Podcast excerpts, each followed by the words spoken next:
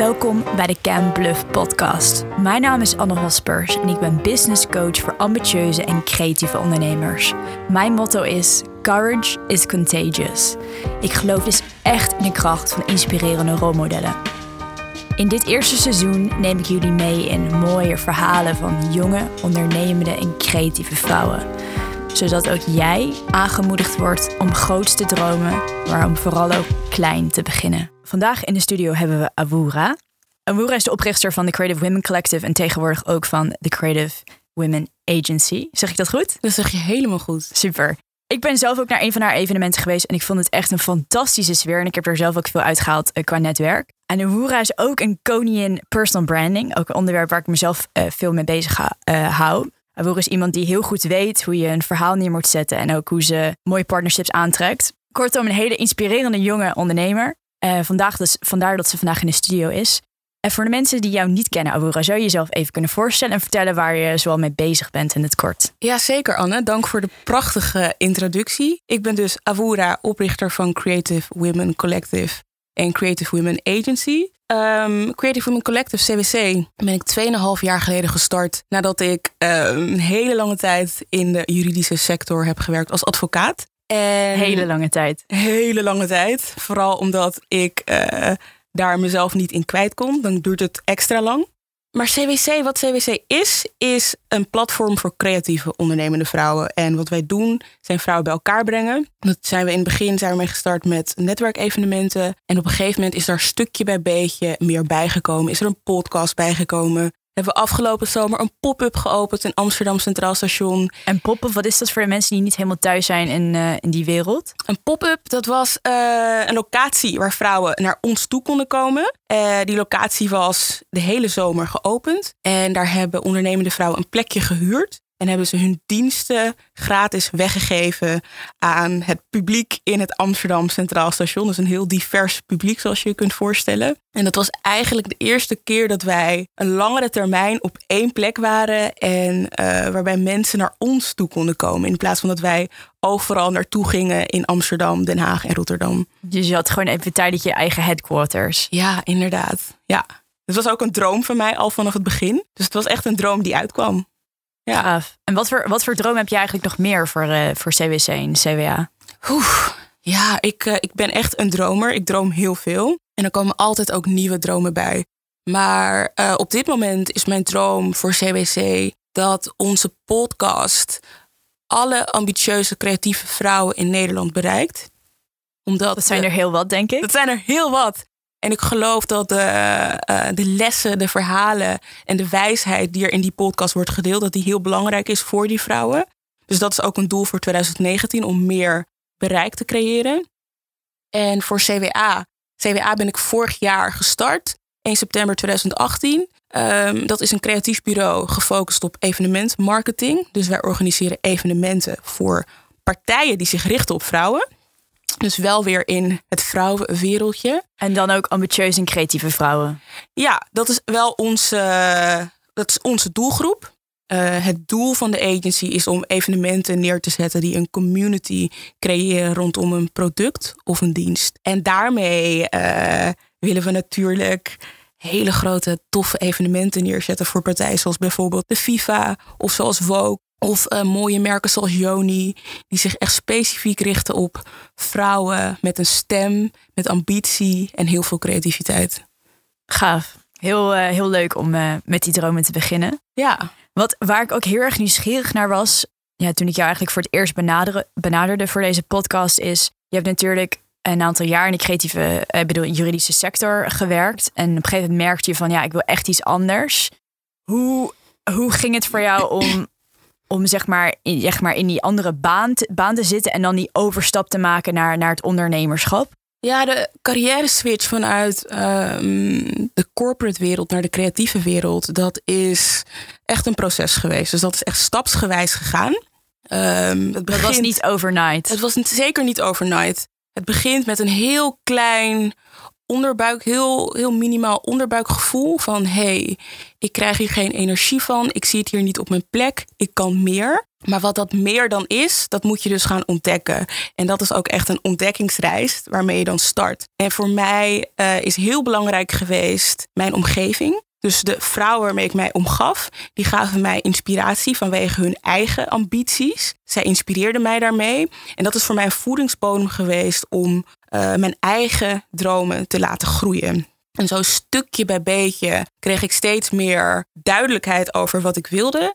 En toen ontstond er een idee in mij om dit soort bijeenkomsten, zoals ik die ook had met mijn vriendinnen, om dat te gaan organiseren voor meer vrouwen. Um, en toen ik dat duidelijk had, toen ben ik ook echt proactief op zoek gegaan naar informatie. En dat is specifiek door het bezoeken van evenementen voor ondernemers, voor creatieven, voor, uh, voor dromers. Ja, want jij, wat, wat ik ook wel herken uh, in jou, en wij, uh, Abu en ik zijn alle twee ENF ENFP's, dus campaigners. Alle twee een beetje MBTI geeks. Um, dat wij alle twee heel erg houden van netwerken. Uh, en tijdens de lunch hadden we daar ook nog even een, een kort gesprekje over. Uh, jij, jij gaf aan dat, dat jij netwerken echt op een bepaalde manier aanpakt. Zou je dat misschien nog even kort toe kunnen lichten? Dus je gaf bijvoorbeeld aan dat je zeker niet naar alle evenementen gaat en dat je mensen op een bepaalde manier benadert. Ja, ja ik ben selectief wat betreft de evenementen die ik uitkies. Dus ik kies evenementen uit op, op basis van uh, uiteraard mijn persoonlijke interesse, maar ook op basis van uh, juist de kennis die ik niet heb. En als ik naar een evenement toe ga, dan ga ik niet vooraf voor mezelf uh, bepalen van ik moet A, B en C bereiken. Nee, ik ga naar het evenement toe en kijk wie er zijn. Welke mensen zijn hier? En luister naar de mensen die er zijn. En kijk of wat zij vertellen, of dat aansluit op iets wat jij kan geven. Um, dus op die manier voelt netwerken natuurlijk voor mij. En niet onnatuurlijk omdat je iets probeert te forceren. En dat is het idee wat veel mensen vaak hebben bij netwerken. Dat je heel geforceerd iets probeert te verkopen. Eigenlijk jezelf probeert te verkopen. Maar door te luisteren kun je het op een veel natuurlijke manier aanpakken. Ja, heel mooi. Ik, ik, ik heb destijds ook een presentatie gegeven zelf over netwerken is mijn hobby. Omdat ik er ook ontzettend veel energie uit haal om verhalen van andere mensen te horen. Ja. En dan gaandeweg heb, ontstaat het gesprek over ja, waar, waar, waar ben je ieder mee bezig. Inderdaad, en het grappige van netwerken is dat je dat je ontdekt, als je het veel doet, dat je met iedereen een klik kan hebben. En dat die klik niet per se altijd zakelijk is, maar dat het ook persoonlijk kan zijn uh, over onderwerpen waar je, die je vooraf niet had kunnen bedenken. En dat is uiteindelijk waar het om gaat. Netwerken gaat over connectie. Het gaat over het opbouwen van een relatie. En het hoeft niet altijd een lange termijn relatie te zijn. Het kan ook gewoon een, een leuke avond zijn. Met een heel tof gesprek. Wat je op een bepaalde manier inspireert om een bepaalde stap te zetten. Dus um, je hoeft het ook niet voor jezelf in te kaderen. Laat het zijn wat het is. Zie jij jezelf als een nieuwsgierig persoon? Ik ben, uh, ik ben ontzettend nieuwsgierig. En ik um, was me daar niet altijd bewust van dat ik zo nieuwsgierig was. Ik dacht dat het gewoon normaal was om zo te zijn.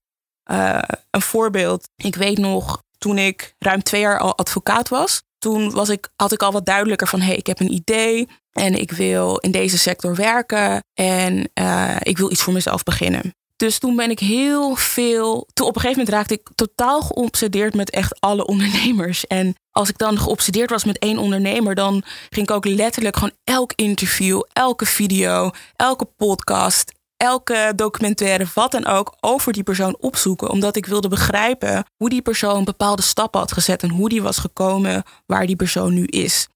En over, sorry, over wat voor ondernemers hebben we het dan? Over de Marie Forleur's en de Richard Bransons van deze wereld bijvoorbeeld? Of... Ja, nou ja, bijvoorbeeld uh, een ondernemer waarmee ik totaal geobsedeerd ben, ook nu nog, is bijvoorbeeld Tim Ferriss. En ik heb echt... Ik noem hem echt mijn business guru. Ik, uh, ja, Tim Ferriss is fantastisch. Ik heb waarschijnlijk elke video, elke podcast, elk interview met hem gelezen. Nou, oké, dat gaat misschien wel ver, want hij wordt wel heel veel geïnterviewd. Maar ik verlies me dan in zo'n persoon en in de mindset van die persoon, in het gedrag van die persoon. En daarin uit mijn nieuwsgierigheid zich. In dat ik alles wil weten over die persoon. En op een gegeven moment ben ik dan bij sommige mensen ben ik dan klaar op een gegeven moment, zoals bij Gary Vaynerchuk. op een gegeven moment uh, kon ik uh, voorspellen wat hij zou zeggen. Maar als die persoon met nieuwe inzichten blijft komen, dan blijf ik geprikkeld, blijf ik nieuwsgierig. En is er in de CUC-podcast ook ruimte voor een uh, man als Tim Ferriss? Tim Ferriss mag altijd aanschuiven. altijd, je bent welkom, Tim. Misschien moet je dan nog even het Engels You are welcome. Tim, please come to the CWC podcast. You are very, very, very welcome. Ik heb soms ook dromen dat ik hem ontmoet, echt zonder grap. Gewoon op een hele platonische manier hoor. Eigenlijk iets wat ik al mijn interviewgasten vraag is... Um, uit wat voor gezin kom jij, Awoera? Is dat, eh, kom je uit een gezin van creatieve mensen of ondernemers of totaal niet? Ik ben wel benieuwd eigenlijk. Ja, ik kom ten eerste uit een groot gezin. Ik ben de middelste van vijf kinderen. Ik heb twee oudere zussen, twee jongere broertjes. Die zijn, zijn een tweeling. En uh, mijn moeder is een ondernemer. Uh, ontzettend ambitieus. Echt een soort, bijna een bekend figuur in de buurt waarin zij actief is, in Amsterdam Zuidoost. Zij heeft ook een bedrijf met een vestiging in Zuidoost en ook inmiddels een vestiging in Den Haag, een zorginstelling. Mijn vader, die was ook altijd een, ik zou zeggen, echt een ondernemerstype. Hij was uh, autohandelaar. Dus hij was heel veel aan het onderhandelen. Heel veel met sales bezig eigenlijk en marketing. En hij nam mij ook heel vaak mee uh, het hele land door toen ik jong was. Dus ik zag hem onderhandelen en praten en deals sluiten um, als jong meisje. En nu ik terugkijk, mijn vader is inmiddels overleden, tien jaar, meer dan tien jaar geleden. Um, als ik nu terugkijk, besef ik dat het invloed heeft gehad op wie ik ben en wat het mij heeft geleerd over de wereld. En hetzelfde geldt voor mijn moeder. Als je met haar over straat loopt, nou, dan zal je elke vijf minuten stilstaan. Want ze komt elke keer, ze komt de hele, hele dag komt zij mensen tegen, omdat zij iedereen kent. En iedereen kent haar. Dus dat netwerken en um, heb ik van mijn ouders. En voor de rest is mijn, mijn gezin, mijn ouders waren heel erg academisch georiënteerd. Dus al mijn broers en zussen hebben VWO gedaan. Iedereen heeft VWO gedaan, omdat dat gewoon basis was thuis. Iedereen heeft gestudeerd aan de universiteit ook. Um, maar daardoor werd creativiteit wel als ondergeschikt, ondergeschikt gezien. Dus bijvoorbeeld. En waarom dan? Nou, de focus de focus was, lag op het academische. En dat komt ook vanuit hun eigen opvoeding en uit hun eigen ideeën over wat succes is. En ze zijn uit Ghana gekomen naar Europa, uh, hebben offers gemaakt voor ons om hier te zijn. En zij willen dat wij keuzes maken die uh, alle risico's inperken. En de creatieve sector wordt gezien als één groot risico. Dat is dus een stap die je niet moet zetten. Um, dus ook al was ik als, als jong meisje, ging het op school goed. Um, had ik zelf ook naast dat het naast mijn academische, academische talenten had ik ook creatieve talenten. Dus ik tekende heel veel. Ik zat op de dansacademie. Ik zong, ik acteerde. Ik deed eigenlijk alles wat met creativiteit te maken had. Maar dat werd wel altijd, altijd gecategoriseerd als een hobby. Um, en dat is heel moeilijk als je van binnen voelt dat het belangrijk is, maar als mensen van buiten zeggen, mensen die belangrijk zijn voor jou, dat het eigenlijk onbelangrijk is. En dat is een soort frictie die er ontstaat. En van binnen weet je, het is belangrijk, maar het is heel moeilijk om dat uh, te verenigen met wat je hoort. En dan ontstaat er een soort tweestrijd. En dat is bij mij ook hele lange tijd gaande geweest. Dus bijvoorbeeld toen ik startte met mijn rechtenstudie, toen ik 18 was, uh, studeerde ik ook nog aan de dansacademie. Dus dat deed ik tegelijkertijd. Pittig? Pff, nou, dat zeg je heel goed, Anne. mijn ouders die betaalden dat niet, want die weigerden dat te supporten. Dus ik moest ook nog werken om dat allemaal te betalen. Nou, dat was niet goedkoop. Lucia Martas is niet goedkoop. Uh, de dansacademie. Dus um, ik heb heel lang ervoor gestreden om mijn creativiteit toch een podium te geven in mijn leven. Ondanks wat mijn ouders zeiden. Maar op een gegeven moment liep ik tegen een muur op in de zin van. Ik, ik heb geen energie meer om en te studeren. En ook nog daarnaast uh, drie, vier keer per week op de dansacademie te zijn. En ook nog eens te werken. Dus na dat eerste studiejaar waarin ik het combineerde, heb ik de handdoek in de ring gegooid. Uh, het was ook het jaar waarin mijn vader ziek werd. Dus er gebeurde heel veel tegelijkertijd. En toen heb ik ervoor gekozen om uh, de droom van mijn ouders te volgen in plaats van mijn eigen droom. En dat is ook hoe ik uiteindelijk in de advocatuur ben gerold. Dan wel in de tofste sector, het intellectuele eigendomsrecht. Ik dacht, nou, als ik het kies, dan wel in de leukste sector, de sector voor creatieven. Maar dat prikkelde mij alleen maar nog meer, want mijn cliënten waren dus creatieven. En het leukste vond ik om met hen in gesprek te zijn over hun bedrijf. En daardoor wilde ik alleen maar nog meer de advocatuur uit. Dus dat was wel ironisch. En je had het over ehm, ja, wat succes betekende voor je ouders. En dat was vooral niet uh, van je hobby in de creatieve sector daar meer van willen maken. Maar wat, wat betekent succes tegenwoordig voor jou? Ja, die definitie die verandert uh, bij mij volgens mij elke week. Dat, dat mag. Uh, maar op dit moment is succes voor mij een leven leiden wat aansluit bij wie je bent. Dus bij jouw persoonlijkheid, bij je krachten, bij je dromen. En dat je een leven kiest um, wat daar bij aansluit. En, en, en als je die definitie zou gebruiken, zie je jezelf dan als een succes? Ja, en ik moet me er soms ook aan herinneren, omdat het heel makkelijk is om um, onder je on helemaal zeg in het werk te bergen en bezig te zijn met het werk um, voor je bedrijf of voor je droom. En het is belangrijk voor mij om af en toe stil te staan en te kijken van... hé, hey, wat heb ik al bereikt?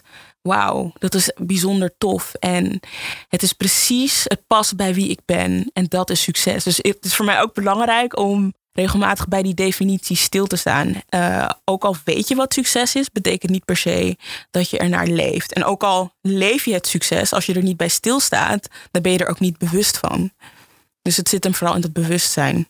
Ja, ik vind, dat, ik vind dat heel mooi. En waar ik eigenlijk ook nog een vraag over wilde stellen is... ga jij als zeg maar startende ondernemer, mag, mag ik jou zo noemen? Jazeker. Uh, ga je dan ook wel eens op vakantie? oh, ik moet echt lachen. Uh, ja, zeker. En dat plan ik vaak uh, vooruit in. En dat doe ik ook doelbewust, omdat het is heel gemakkelijk om als ondernemer jezelf opzij te zetten en het bedrijf um, voor te laten gaan. Dus door een vakantie vooruit in te plannen, ben je gedwongen om uh, dat blok, die week, die twee weken, die maand, om eruit te stappen. En dat heb je nodig. Um, het is belangrijk. En er is altijd iets op je to-do-list wat je aandacht vraagt. En waardoor, wat urgent voelt. Wat heel urgent voelt en waardoor je denkt, nee, hier heb ik geen tijd voor. Maar het gaat er niet om of je er tijd voor hebt. Je moet er tijd voor maken. Want als je het niet doet, dan um, ontneem je jezelf die kans van reflectie en van afstand. En dat is noodzakelijk voor, je, voor de strategie van je bedrijf. Dat je afstand neemt en dat je uit je bedrijf stapt, letterlijk. Uh, en daardoor dingen vanuit een ander perspectief gaat zien. En dat is heel belangrijk voor de duurzaamheid van je bedrijf. Anders kun je jezelf verliezen in je bedrijf. Um, en zie je niet meer wat je positie is in de markt. En of dat plaatje nog klopt. En tijdens de lunch had je het ook over dat je recentelijk ook echt een maand tussenuit bent geweest. Wat heeft jou dat gebracht, specifiek die maand weg zijn? Ja, dat klopt inderdaad. Uh, afgelopen zomer, zoals ik al vertelde, hadden we dus een pop-up in Amsterdam Centraal Station. En voordat die pop-up openging, uh, of op de dag dat die pop-up openging, had ik dus de eerste dag van mijn vakantie ingepland. Heel handig allemaal. Maar ik had hem al ik had hem al maanden van tevoren ingeboekt. Dus ik zou gaan. Maar dat betekende dus dat ik er een maand niet zou zijn. En dat het team alles zou opvangen. Hebben ze fantastisch gedaan. Kan ik nu uh, achteraf zeggen. Uh, maar toen ik terugkwam. Toen heb ik de hele maand september heb ik, uh, een pauze genomen. Omdat die periode daarvoor, die negen maanden daarvoor, waren hectisch geweest. Niet alleen de pop-up, maar ook de podcast was gestart. En we waren ook gestart met een partnership met de Student Hotel. En het voel, ik voelde me helemaal op. Ik had geen energie meer. En ik moest stilstaan om um, alles weer in perspectief te krijgen. Mijn agenda was vrijwel leeg die maand, september. En behalve één afspraak.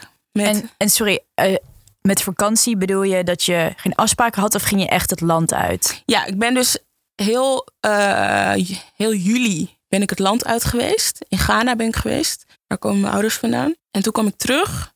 Toen heb ik nog twee weken, de laatste twee weken van de pop-up uh, gerund. En toen heb ik in september in Nederland een maand mijn agenda leeggemaakt. En na die maand is het idee van Creative Women Agency eruit gerold.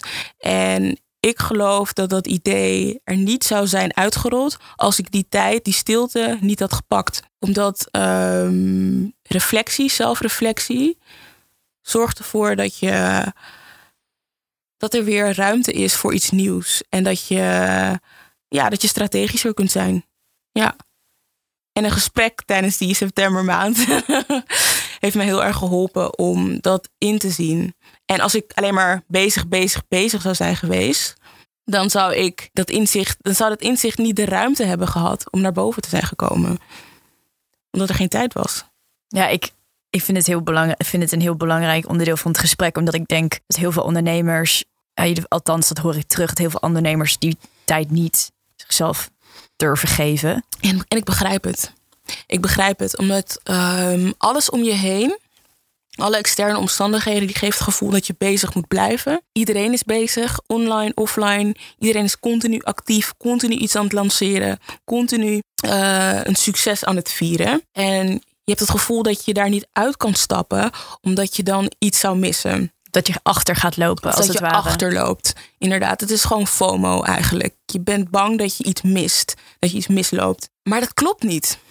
Want ideeën hebben tijd nodig. En uitvoering, kwalitatieve uitvoering, heeft ook tijd nodig. Dus die tijd moet je jezelf geven. En het is een soort strijd tussen wat je om je heen ziet en wat je van binnen weet. En ehm, ja, het is heel verleidelijk om daarin mee te gaan. En door dus je stilte te agenderen, word je gedwongen om daar afstand van te nemen. Want het is moeilijk. Ik vind dat echt een, ik vind het prachtige tip. Jij gaf op een gegeven moment ook aan van uh, op de eerste dag van mijn vakantie uh, werd de pop-up in Amsterdam Centraal gelanceerd. Jij werkt met een team. Mm -hmm. uh, is dat eigenlijk al vanaf dag één? En ik, ik ken genoeg ondernemers die heel lang alleen de show willen runnen. Ja. Wat is jouw mindset daarin? Ja, ik moet zeggen, het is, het is organisch gegroeid. Omdat toen ik uh, CWC startte, toen was ik alleen. Ik heb toen uh, mijn visie gedeeld via Instagram. En toen op een gegeven moment, na een maand, heb ik mijn website gelanceerd. En ik deelde die visie, ik deelde die website. En ik kreeg berichten van vrouwen die mij wilden helpen. Uh, want ik had aangekondigd dat ik een, mijn eerste netwerkevenement zou organiseren. Dus in het begin heb ik met die vrouwen die zich bij mij hebben aangemeld, gewerkt.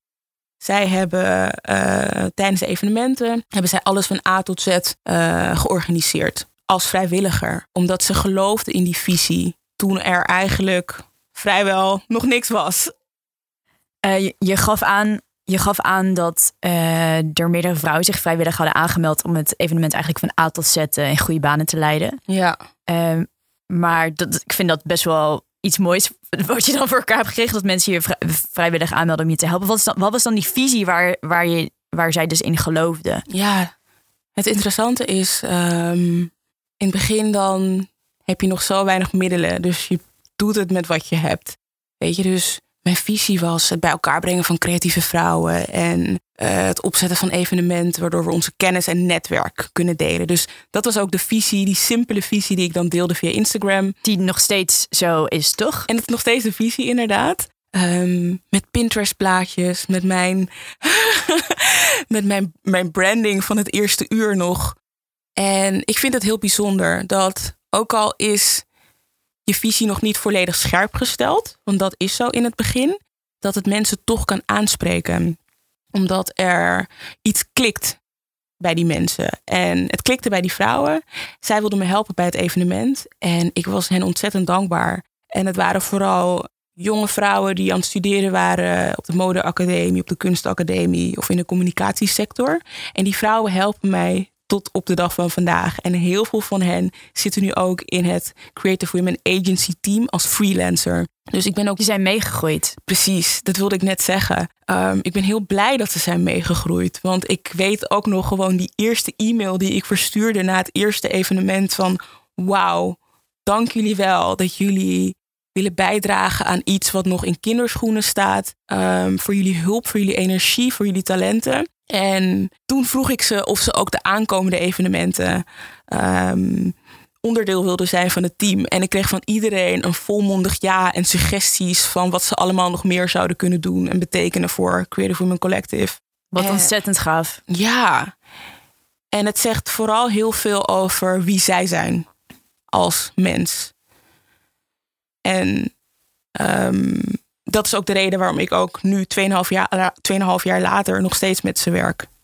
En waar, wa- waar ik het ook even kort met je over heb gehad op de e-mail. En wat, wat ik ook wel heel leuk vind als je dat nog kan delen met de lezers, is dat ik denk dat heel veel mensen in een, een zeg maar vast dienstverband zitten en Ja. misschien dromen van het ondernemerschap, maar die zeg maar die financiële onzekerheid die ze dan geheid eigenlijk opzoeken, heel spannend vinden. Ja.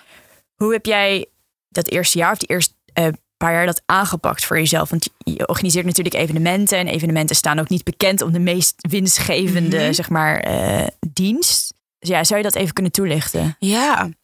In het begin van een onderneming ben je heel veel bezig met het bouwen en met het investeren in je onderneming. Eh, in- met tijd, met geld, met energie. Ehm, dus dat is ook de periode waarin je niet veel geld zeg maar, zal overhouden onderaan de streep. En dat is belangrijk om voor ogen te houden. Dat wist ik ook. Ehm, ik kwam uit de advocatuur en heb natuurlijk toen ook geld gespaard. Maar nog belangrijker, je moet een motor hebben waarmee je vooruit kunt blijven gaan. En voor mij is dat geweest om terug te vallen op mijn juridische kennis.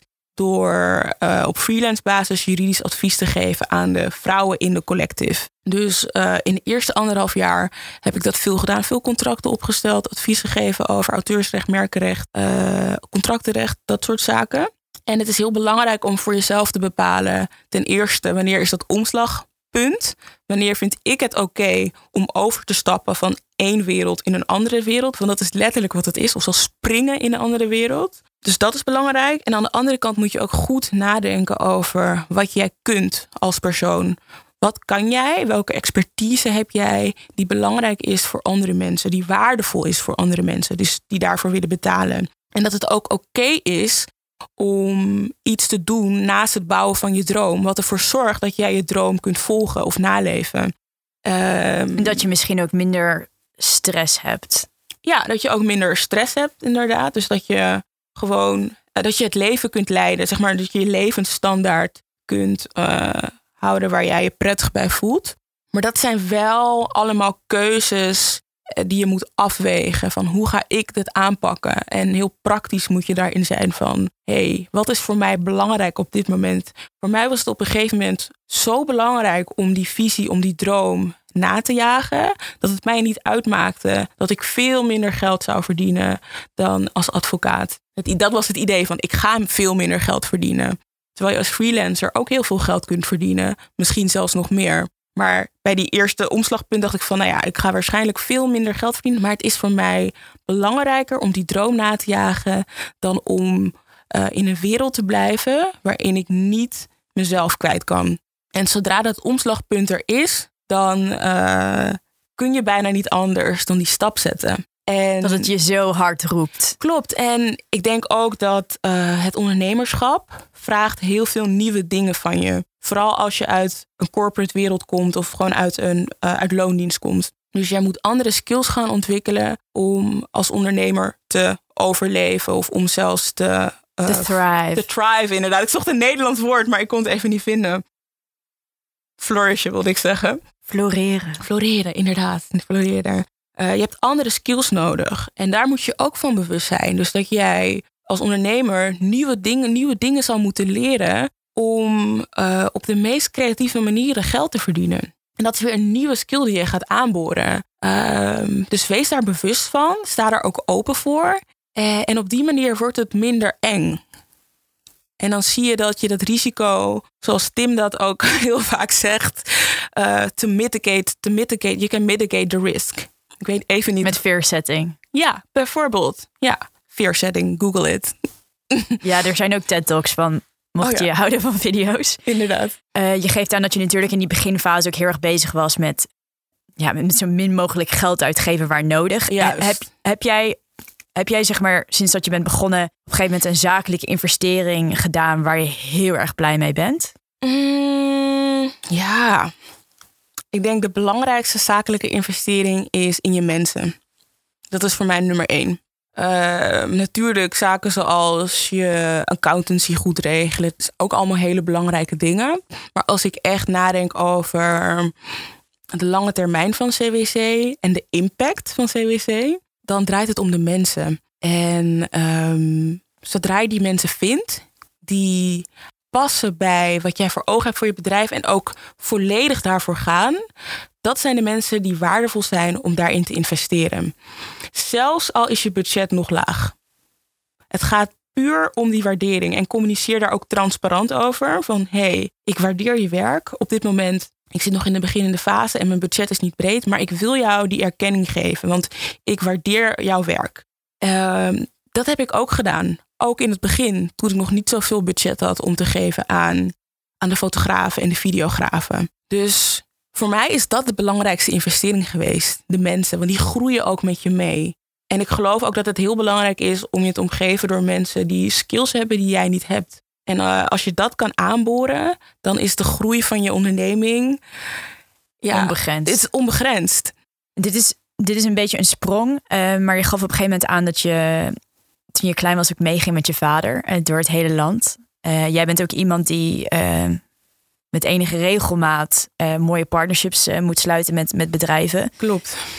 Wat, wat, heb je, wat heb je van je vader meegekregen wat je bijvoorbeeld nu meeneemt in, in een part partnership onderhandeling? Ja, ik denk het belangrijkste is, iedereen is een mens. Je hebt heel vaak het idee dat een groot bedrijf of een grote naam, um, voor heel veel mensen voelt dat heel spannend. En het voelt bijna alsof zij op een hogere positie zitten of zijn dan jij. En als je dat in je hoofd hebt, dan ga je dat ook, ga je, ga je ook op die manier gedragen. Dan ga je daar ook naar leven. Alsof zij degene zijn die alleen maar waarde aan jou kunnen geven. En alsof jij niet degene bent die ook waarde aan hen kan geven. Dat het niet gelijkwaardig is vanaf Precies. het begin. Precies. En wat ik bij mijn vader heb gezien is... Het, is, het draait altijd om een mens-tot-mens connectie. Uh, op basis van gelijkwaardigheid. En ik denk dat als je met die bril uh, contact zoekt, met welke partij dan ook, hoe groot die partij ook mag zijn, dat je dan op een andere manier zo'n gesprek voert. En dat op die manier kan je ook andere soort resultaten bereiken. Die je misschien niet zou bereiken als je jezelf op een minder waardige manier uh, zou opstellen. Ja. Mooie les. Ja. En heb, heb jij een, dit is een beetje mijn ding, dus ik ben benieuwd of jij dat ook hebt. Heb jij een soort levensmantra of een soort van, dit is echt mijn Avura slogan voor het leven? ik ga echt stuk. Oh, ik heb altijd wel een paar slogans gehad. Wat is nu mijn slogan? Ja, mijn slogan op dit moment draait vooral over alignment. Volgens mij had ik ook laatst op Insta. Ik moet hem dan wel heel even opzoeken als het mag. Ik had laatst op Insta had ik die ook gepost. Maar dat is een onderwerp waarmee ik mij in 2019 veel bezig hou. Alignment in alignment zijn met mijn levenspad. En, um, en wat betekent dat specifiek? Ja, eigenlijk sloot het ook al aan bij wat ik eerder zei over, het, over succes. Weet je, het leiden van een leven wat aansluit bij wie jij bent als persoon. Uh, waarin jij tot je recht komt. En dat je in lijn met je waarden en met je dromen leeft. Inderdaad, inderdaad. Oh, volgens mij ga ik hem nu. Ik weet niet of ik hem ga vinden. Misschien vind ik hem wel. Even kijken hoor. Is dit hem? Ja, dus, ja ik heb gevonden. Net ik zei focusing on the people, actions and experiences which water my roots while they affirm my, my purpose. Dus dat ik me, me omring, me bezighoud met mensen, activiteiten, dingen, alles wat mij voedt. En niet wat dingen onttrekt. Weet je, ik zie mezelf echt als dan letterlijk als een soort boom met wortels. En ik kan voeding krijgen voor mijn wortels. Maar mensen kunnen ook proberen de wortels los te drukken. Of de boom om te zagen. Of om takken te stelen. Of wat dan ook. Of chemicaliën in, chemicaliën in de grond te stoppen. Uh, maar het kan ook zijn zonlicht en water. En gunstige grond. Dus dat is, voor, dat is mijn mantra. Dus dat alles waar ik mee bezig ben, dat dat toevoegt op een positieve manier. En dat als dat het geval is, dan is het altijd een succes. Love it. Echt heel mooi. Ja. om, om mij af te sluiten, dit is een beetje mijn, uh, mijn standaard vraag om podcast mee af te sluiten. Um, wat voor advies geef je aan jonge mensen die net afgestudeerd zijn, maar eigenlijk geen idee hebben wat ze op werkgebied moeten doen? Ja, oh, dat gevoel, ik, ik kan het nog steeds oproepen, dat gevoel. Dus ten eerste, ik voel met jullie mee. Ik begrijp hoe jullie je voelen. En het belangrijk, de belangrijkste les of het belangrijkste wat ik jullie zou willen meegeven is: ga op ontdekkingsreis. Probeer uit te vogelen wie jij bent. Dus ga jezelf onderzoeken, ga experimenteren, ga analyseren. Want als jij weet wie jij bent, weet je wat bij je past, wat niet bij je past, wat je belangrijk vindt, wat je niet belangrijk vindt. Als je dat op een rijtje hebt, dan ga je ook je keuzes daarop baseren. En dat is heel belangrijk. Want als je, daar, als je niet bewust bent van. Wat voor soort boom je bent. Wat voor soort boom je bent, inderdaad. Dan kunnen ze je dus in elk park zetten of weet ik veel wat. Snap wat ik bedoel? Of in een pot, terwijl je helemaal niet in een pot thuis hoort. En ik denk dat dat heel belangrijk is. Dus dat jij bewust bent van wie je bent. En boeken kunnen daarbij helpen, evenementen kunnen daarbij helpen, podcasts kunnen daarbij helpen, mensen kunnen daarbij helpen. De manier waarop is, maakt niet uit. Maar het gaat erom dat je dat voor jezelf helder en scherp krijgt. En dan is het zoveel makkelijker, tussen aanhalingstekens, om keuzes te maken. Want dan weet je wat klopt en wat niet klopt. Ja. Dankjewel, Aboura. Dankjewel, That's Anne. It. Ik vond het een superleuk gesprek. Heel erg bedankt voor je tijd. Ik uh, voel heel erg dat er een uh, deel 2 moet komen. Ja, graag. Dankjewel. Ja, het ging zo snel. Dank voor het luisteren naar de Camp Bluff podcast. Mijn naam is Anne Hospers en ik ben business coach voor ambitieuze en creatieve ondernemers.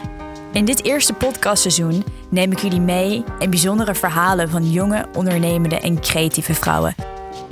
Je kunt je natuurlijk abonneren op deze podcast, updates volgen via mijn Instagram, CamBluff. En het is natuurlijk hartstikke leuk als je deelt dat je, dat je deze podcast luistert en met vrienden en kennissen. Dan kan je de hashtag gebruiken Camp Bluff Podcast.